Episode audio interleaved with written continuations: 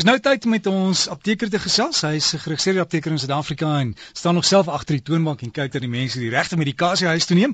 En hy's Mario Botha. Moet ek sê dokter Mario? Nee nee, nee glad nie. Hallo Derry. nee, ek vra maar net, jy weet mense, baie mense is so sensitief vir 'n titel, né? Nee, ons het nie titels nie. Is, is nee. jy nie jy het nie titels nie? Nee, mm -mm, glad nie. Hoekom nie? Ek dink ons swat te min of is dit 'n bietjie dommer? Nee, ja. of dalk moet jy meer betaal. Of dit, ja, of ja, dit, ja. ja.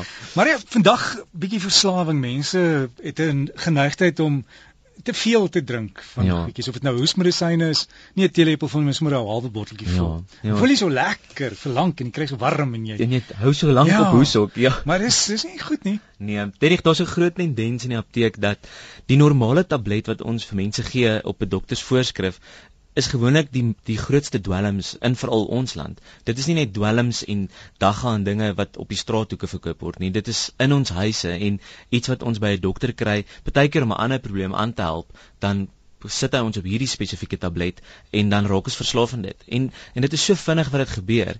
Iets soos bromazepam, 'n molekuule kan jou verslaaf maak binne 5 dae. En party dokters skryf dit vir langer voor. Hulle skryf dit partykeer vir 'n maand voor omdat daar 'n spesifieke rede is daarvoor.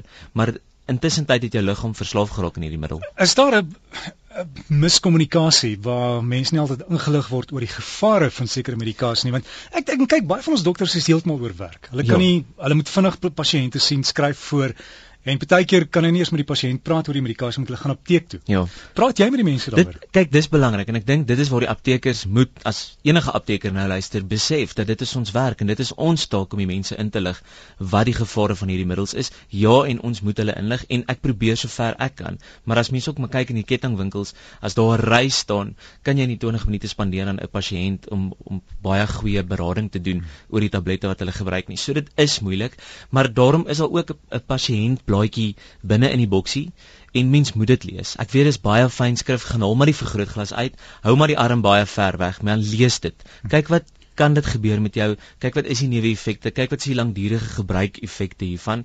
En stop as as die dokter gesê dit is vir 3 maande se gebruik, stop en en hou op om dit dan te gebruik. Ja, so jy sê dan 'n goeie geskenk vir enigiemand oor 30 is 'n vergrootglas. Ja. nee, want ek is oor 30 en ek kan nog baie mooi lees. Ah, ja, ja, ja, ja, ja. Dit is maar dan 'n ander ding is ook, um, ons het baie van die huisvrouens wat verslaaf is aan hoestrope. Hulle gee dit vir hulle kind.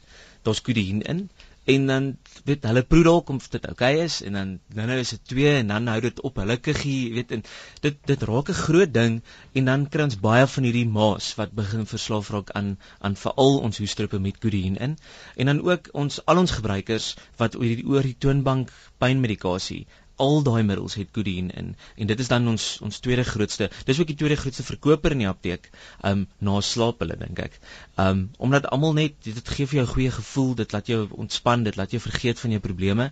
En dan gebruik dit en dan en dan word die mense en dan misbruik hulle dit. En dit is die probleem waarmee ons sit in Suid-Afrika ek was nou die dag van ek dink hoekom by een van die groot apteke waar jy soms gaan gaan deeltyds bietjie werk doen, het daar iemand by die toonbank gestaan wat hulle kry mos 'n so draadhokkie, yep. al hulle voorgeskrewe medikasie wat gesluit word en gesny om daar oop. Ja.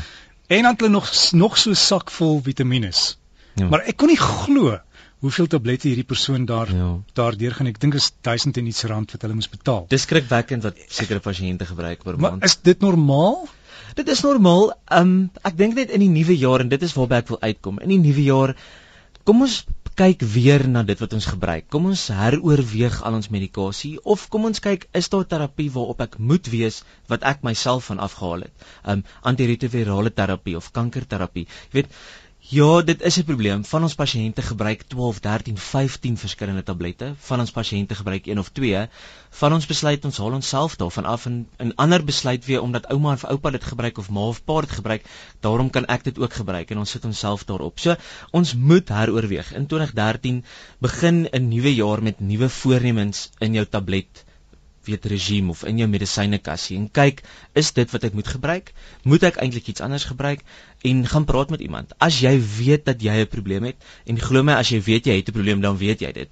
Jy weet jy spandeer te veel tyd aan beplanning om hierdie medisyne te bekom of jy spandeer soveel tyd daaraan dat jy vergeet aan aan ander aktiwiteite wat hoër prioriteit moet eintlik geniet. Of jy begin vir die dokter jok om dit te of, kry. Of jy jok en en aptekers het daarom al redelik die hele spektra van al die leuns gesien en gehoor. So ons stel daai pasiënt baie vinnig op. Maar as jy weet jy het 'n probleem met iets, gaan praat met iemand. Gaan praat met 'n vriend, 'n dominee of 'n apteker. As enige iemand wie jy vertrou, gaan praat met hulle daaroor. En jy sal dan die persoon kan verwys na 'n persoon wat hulle sal kan. Ons sal verseker kan, ja. En maar dan hierdie tyd van die jaar baie mense doen wat hulle sê spring cleaning, gooi die ou goed uit, ja. so sak vol medikasie wat nou verval het. Ja, asseblief moet dit nie in die toilet afspoel Wat doen ons daarmee? Moet dit nie asseblief ook nie in die asblik gooi nie. Ons het mense wat buite in asblikke grou en hulle gebruik hierdie middels en dit kan lewensgevaarlik vir enige iemand wees. So vat dit asseblief apteek toe. Die apteker het 'n metode om dit te kan vernietig. Daar is maatskappye wat dit kom haal by die apteke en dan word dit verbrand en vernietig. So bring jou ou sak medisyne, kyk of dit verval het en selfs al gebruik jy dit nie, dis onnodig om tablette in die huis te hou wat niemand gebruik nie. So bring dit asseblief apteek toe vir ons. En laat ons 2013 met 'n skoon en 'n nuwe jaar begin. Verseker. En en daai pyntablette wat in 2011 al verval het, gooi dit ook maar weg. Ook maar weg asseblief. Ja, dit gaan nie weer jou pyn verlig in 2013 nie. Maar jou voorspoed. Dankie Derrick vir jou ook. Vir 2013. Dankie baie. Sakke vol gesondheid vir jou. En vir jou. Baie dankie. dankie.